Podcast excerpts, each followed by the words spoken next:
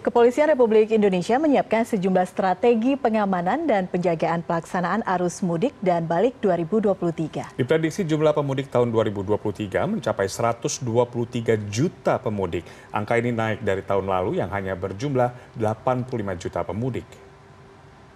Yang paling penting adalah bagaimana kemudian masyarakat memahami terkait aturan pada saat berlalu lintas sehingga pada saat diberikan SIM masyarakat sudah paham bagaimana berlalu lintas yang baik sama-sama menjaga keselamatan masyarakat pengguna jalan dan tentunya bagaimana mengurangi risiko pelanggaran dan mengurangi risiko terjadinya kecelakaan yang tentunya ini juga menjadi angka yang cukup tinggi setiap tahun yang tentunya harus kita turun.